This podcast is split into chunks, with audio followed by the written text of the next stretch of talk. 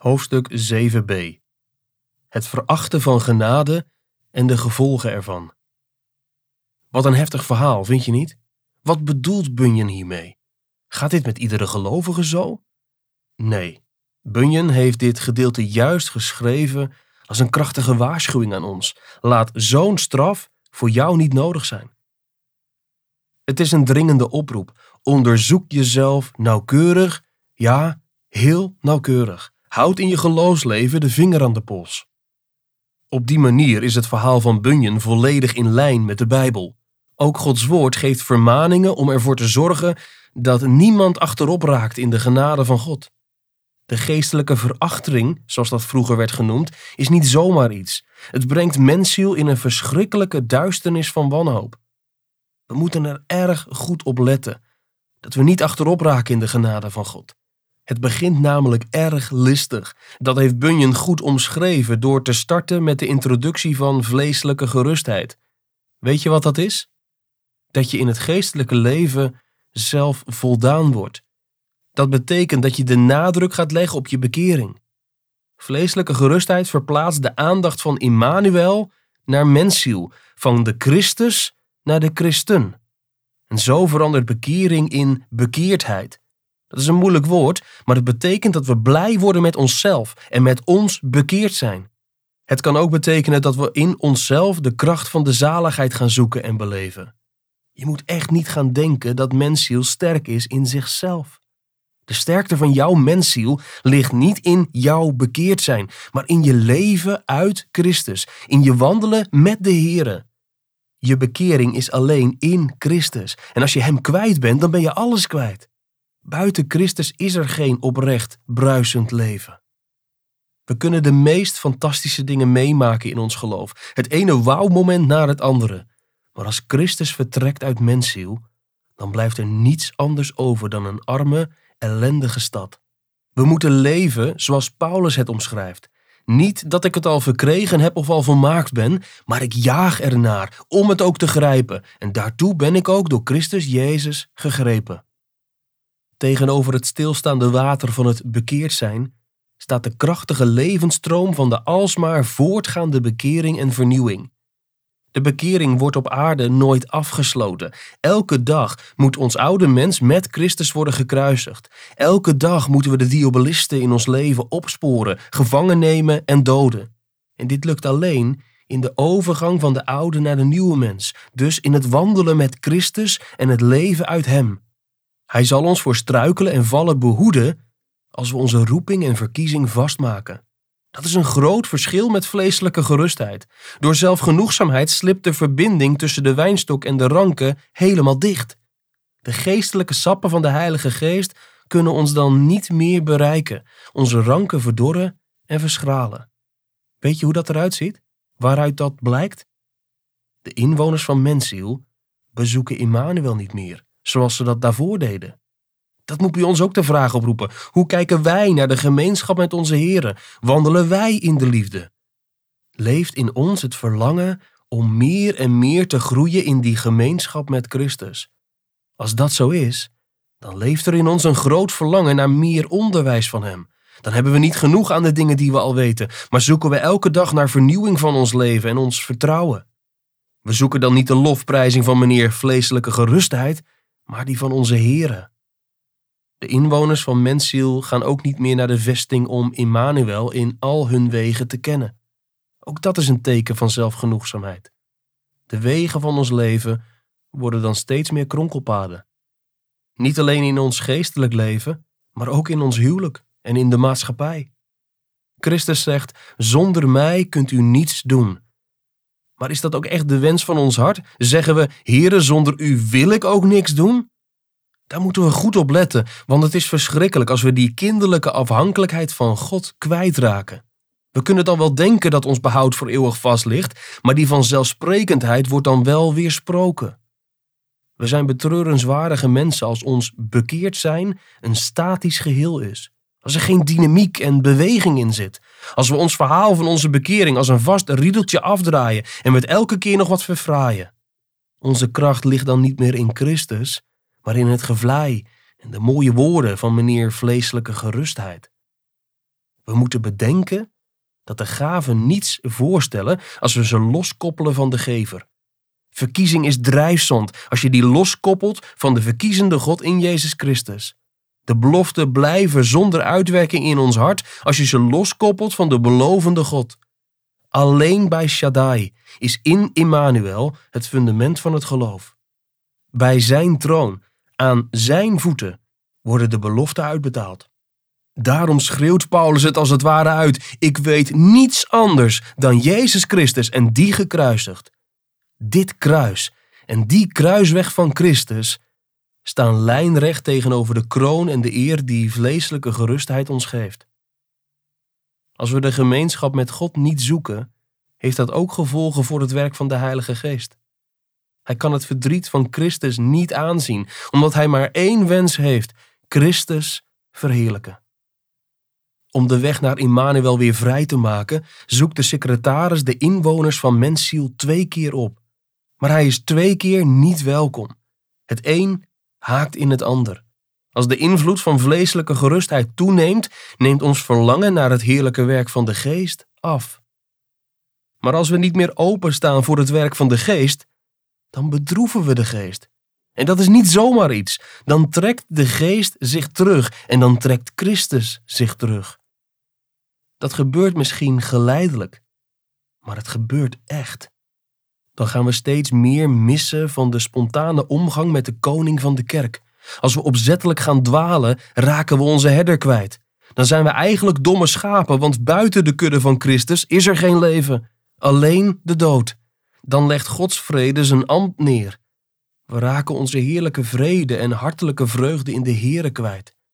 Het enige wat dan overblijft is een pot met oud manna waar de wormen uitkruipen. Neem even een moment de tijd om hierover na te denken. Leg de vinger eens aan de pols van je eigen leven. Leef je op dit moment uit de geest? Heb je de werking van de geest steeds meer nodig? In dat geval kan het niet anders dan dat de geest ons tot Christus leidt, om steeds meer heerlijkheid in Hem te zien en te beamen. Alleen door die geest kan er sprake zijn van echt geestelijk leven. Dat betekent ook dat er buiten de geest alleen maar sprake is van geesteloosheid. Geesteloosheid in ons denken, geesteloosheid in onze kerkgang, geesteloosheid in ons bidden, geesteloosheid in ons leven. De oorzaak van dit alles is het bedroeven van de geest.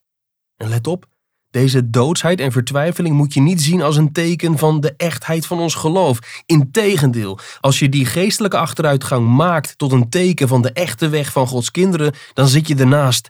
Dat is alleen maar zelfhandhaving. Dat is geen theologie, maar diabologie. Maar kan de Heere zich dan nooit verborgen houden voor ons hart? Jazeker, maar het verschil met de verachtering is dit. Als God ons beproeft door zich te verbergen, dan is ons hart in ieder geval niet doods en geesteloos. Nee, dan is er juist een heigen naar God in een land dat door en mat van droogte brandt. De Heere kan dan doen alsof Hij ons niet hoort, maar dan is er in ons een levende behoefte naar Hem en een roepen om Hem. Dan roepen we met de blindgeborene steeds luider, Zoon van David, ontferm u over mij. In mensziel ligt dat nu totaal anders. Daar is sprake van leven dat verdwijnt. Als ons leven zich in zo'n toestand bevindt, moeten we daar niet een beetje lacherig over doen en zeggen: Ach, je hebt zomers en winters, het komt allemaal wel goed. Nee, we moeten juist onderzoeken of wij niet zelf genoegzaam zijn in de omgang met Immanuel en zijn secretaris, of wij hen niet bedroefd hebben. We moeten dat des te meer onderzoeken als hij geleidelijk aan onze stad Mensiel verlaat. Want als hij eenmaal is vertrokken, zijn de gevolgen niet te overzien. Het vertrek van Immanuel heeft grote gevolgen. Vraag het maar na bij Simpson. Als zijn haar is afgesneden, is hij zijn kracht helemaal kwijt. En zo is het ook met ons. Dan zijn we een weerloze prooi voor de vijanden. Bunyan beschrijft dit heel treffend. Dat achteropraken in het geloof heeft twee gevolgen. Aan de ene kant zorgt het ervoor dat de kapiteins geloof, goede hoop en liefde zwakker en zwakker worden. Tegelijkertijd maakt het de diabolisten juist sterker en brutaler. De oude mens lijkt weer op te staan in dezelfde kracht als vroeger. Als we denken sterk te zijn, zijn we juist zwak. Maar als we weten dat we zwak zijn, mogen we juist kracht ontvangen van de Here. Vleeselijke gerustheid begint te stoken in het geestelijk leven, maar de gevolgen zijn ook te merken in het vleeselijke leven. De diabolisten hebzucht en wellust bieden hun diensten aan en worden zonder enig onderzoek onder hun nepnamen, spaarzaamheid en onschuldig plezier opgenomen in de huizen van mensziel. En zo kunnen ze de stad van binnenuit verwoesten. Als de verborgen omgang met de Here wegebt, krijgen vleeselijke zaken als wereldgelijkvormigheid, verlangen naar eer, hebzucht weer alle ruimte. Het geestelijke denken vanuit God vervangen we dan door vragen vanuit ons menselijk bestaan. Ach, waarom mag dat eigenlijk niet? Er zit toch geen kwaad in? Het is net zoals Biliam in het Oude Testament Israël losscheurde van God door Balak te adviseren een feest te geven en in zee te gaan met andere goden. Op dezelfde manier scheuren de diabolisten mensziel los van Immanuel. De positieve vraagstelling van de geest, wat zit er voor een goeds in, verwisselen we dan voor een negatieve insteek. Wat geeft het? Wat zit er voor een kwaad in? Dat is absoluut niet onschuldig. Zulke vragen hollen je van binnenuit uit en maken ons rijp voor de terugkeer van Diabolos. Zo'n verandering is een teken dat Immanuel al weg is uit de stad. Vanuit dat besef komt de krachtige oproep op ons af. Word veranderd door de vernieuwing van uw gezindheid. Neem de diabolisten spaarzaamheid en onschuldig plezier gevangen. We kunnen wel allerlei verzoekschriften naar Immanuel sturen, maar die blijven onbeantwoord zolang we ons niet bekeren. Als mensziel de zonde niet aanpakt, pakt de zonde mensziel wel aan. Dan zijn de gevolgen verschrikkelijk. Kom nu niet aan met de reactie als zo is de mens nu toch eenmaal? Nee, ook het erbij slepen van Paulus spreken in Romeinen 7 is echt niet op zijn plaats. Hij rechtvaardigt daar onze zonde niet met een vrome kreet over die ellendige oude mens. Hij constateert ook niet dat we maar moeten leven met die zonde. Nee, het is juist een oerkreet, een klacht vanuit zijn diepste innerlijk. Ik, ellendige mens. Paulus neemt de oude mens voor zijn rekening en zegt ook dat die oude mens niet meer mag bestaan. En daarom zoekt hij zijn toevlucht bij Immanuel. Pas dan is er de vreugde in mensziel. Ik dank God door Jezus Christus. De geestelijke worsteling is dus iets heel anders dan de goddeloze leefwijze van mensziel. Diabolos vindt het daarom ook helemaal niet erg dat ze constant smeekbeden naar Immanuel sturen. Diabolos weet ook wel dat Immanuel dat gebed nooit zal verhoren, zolang de inwoners nog de verkeerde dingen in hun hart bedenken en dat nog prettig vinden ook. Die kennis moet ons wakker schudden. Houd huiszoeking in je eigen leven. Zoek hulp bij de kapiteins geloof, goede hoop en liefde. Beman de poorten van je hart. Hebreeën 12 gaat ons voor door ons aan te sporen. Hef daarom de slappe handen op en strek de knikkende knieën. En maak rechte sporen voor uw voeten, opdat wat kreupel is niet wordt ontwricht, maar veel eer genezen wordt. Onze zwakheid buiten Christus en de Heilige Geest heeft grote gevolgen. Diabolos weet binnen te dringen via de gevoelpoort. Deze poort is enorm sterk wanneer ons gevoel wordt geregeerd door de gezindheid van Christus. Dan wordt het gevoel meegenomen en beïnvloed door zijn regering. Maar het is een hele andere zaak als Immanuel niet meer in ons woont. Dan is die poort onze zwakste schakel. Dan kan er een leger van twijfelaars zomaar binnenvallen. De kapiteins geloof, goede hoop en liefde kunnen zich nog op tijd terugtrekken in de vesting, maar de rest van de stad wordt een grote ruïne. Ze is een prooi voor de plunderende, moordende en brandstichtende diabolisten. Het is het begin van een periode van grote duisternis. We worden teruggeworpen op onszelf. De ellende startte met het verhogen van onszelf en nu zien we wat de gevolgen zijn. We zijn alles kwijt. Twijfelaars aan de uitverkiezing en twijfelaars aan de verlossing snijden ons de keel door. Net als Petrus gaan we een nacht in zonder antwoord. We vragen de Heilige Geest zonder succes om hulp. Zonder succes. Net zoals wij de Heilige Geest zonder succes lieten terugkeren uit het huis van vleeselijke gerustheid. De hele toestand doet me denken aan een beeld uit Hooglied. De bruid ligt zelf genoegzaam op bed zonder zorgen en dan klopt de bruidegom op de deur. Wat doet ze? Ze heeft geen zin om zich aan te kleden en haar voeten vuil te maken om de deur open te doen. en vervolgens lijkt haar kans verkeken. Ze dwaalt door het duister van de stad, compleet overstuur. Ze roept om haar geliefde, maar hij antwoordt niet. Ze zoekt hem, maar vindt hem niet. Ons hart werd van koper, ongevoelig voor de woorden van de Heere, en nu is de hemel van datzelfde koper. Hij wilde met ons leven, maar wij hadden hem niet nodig. Hij wilde ons zijn liefde geven, maar wij vonden de mooie woorden van vleeselijke gerustheid veel aantrekkelijker. En daarom zijn we nu alles kwijt. De angst voor de hel doet ons alle troost missen. Omdat wij God vergaten, zitten we nu in deze nood, gebonden in de schaduw van de dood. Deze verschrikkelijke toestand van mensziel duurt twee en een half jaar. Daarmee wil Bunje niet zeggen dat het zo lang moet duren, maar wel dat het zo lang kan duren. Zonde is niet goedkoop. De Heere laat de zonde niet ongestraft. Hoe straft hij? Niet als een rechter om mensziel te laten boeten, maar als een vader om zijn kind te laten leren. De straf is dus pedagogisch. De Heere wil ons leren om een vijand te worden van alle zonde. Zo wil hij ons, zijn kinderen, brengen tot het afzweren van de zonde. In het Nieuw Jeruzalem is er namelijk geen plaats voor leugenaars, ontuchtplegers en afgodendienaars.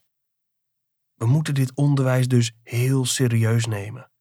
Laten we ervoor zorgen dat zo'n straf voor ons niet nodig zal zijn.